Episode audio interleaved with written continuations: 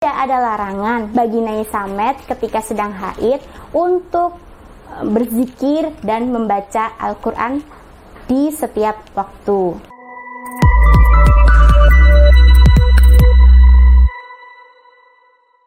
Assalamualaikum warahmatullahi wabarakatuh. Rabbi srahli sadri, fayassirli amri, wahlul 'uqdatam min lisani, yafqahu qawli. Apa kabar nih Samet? Semoga sehat selalu dan dalam lindungan Allah Subhanahu wa taala. Nah, Nai Samet, kali ini Nai Samet pasti sering ber, uh, sering bertanya, apakah mungkin bagi kita yang sedang haid untuk membaca Al-Qur'an?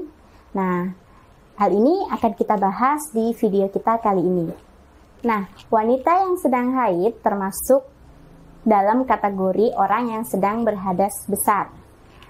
Orang yang sedang berhadas besar tidak ada larangan bagi dia untuk berzikir dan menyebutkan asma Allah. Hal ini berdasarkan hadis riwayat Aisyah yang berbunyi, "Kana Nabiyu Shallallahu alaihi wasallam yazkurullaha ala kulli ahyanihi yang artinya dulu Rasulullah Shallallahu alaihi wasallam senantiasa menyebut asma Allah di setiap keadaannya. Nah, dari hadis ini dapat dipahami bahwa Rasulullah Shallallahu alaihi wasallam selalu berzikir dan menyebutkan nama Allah baik beliau dalam keadaan suci maupun beliau dalam keadaan hadas. Nah, berzikir atau menyebut asma Allah di sini termasuk di dalamnya membaca Al-Qur'an. Nah, jika berkaitan dengan ayat yang berbunyi A'udzubillahi Bismillahirrahmanirrahim La yamassuhu illal mutahharuna. Nah, dalam hal ini para ulama mufasirin terbagi menjadi tiga pendapat.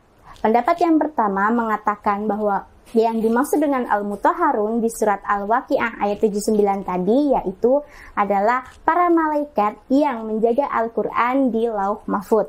Pendapat kedua mengatakan bahwa Al-Mutahharun maksudnya adalah orang-orang Islam dan beriman kepada Allah Subhanahu wa taala. Sedangkan pendapat yang ketiga mengatakan bahwa Al-Mutahharun adalah orang yang suci dari hadas, baik itu hadas besar maupun hadas kecil. Nah, untuk para naik samet yang sedang mengalami haid, penafsiran yang paling tepat adalah penafsiran yang kedua, yaitu orang uh, al-mutahharun adalah orang Islam yang beriman kepada Allah Subhanahu wa taala. Artinya, tidak ada larangan bagi bagi Nai Samet ketika sedang haid untuk e, berzikir dan membaca Al-Quran di setiap waktu. Nah, maka dari itu Nai Samet tidak usah khawatir ketika dalam keadaan haid, Nai Samet tetap dapat beribadah membaca Al-Quran sesuai keinginan Nai Samet semuanya. Apalagi dalam perkembangan zaman saat ini, membaca Al-Quran tidak hanya dari mushaf Al-Quran, tetapi Naisamet juga bisa membaca Al-Quran dari media lain seperti handphone ataupun PC tablet Naisamet sekalian. Nah, jadi sekarang Naisamet tidak perlu khawatir lagi untuk membaca Al-Quran dan tidak perlu takut lagi dianggap sebagai orang yang tidak suci dan tidak boleh membaca Al-Quran.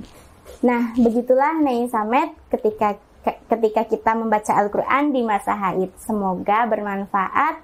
Keep soleha with Naisa. Wassalamualaikum warahmatullahi wabarakatuh.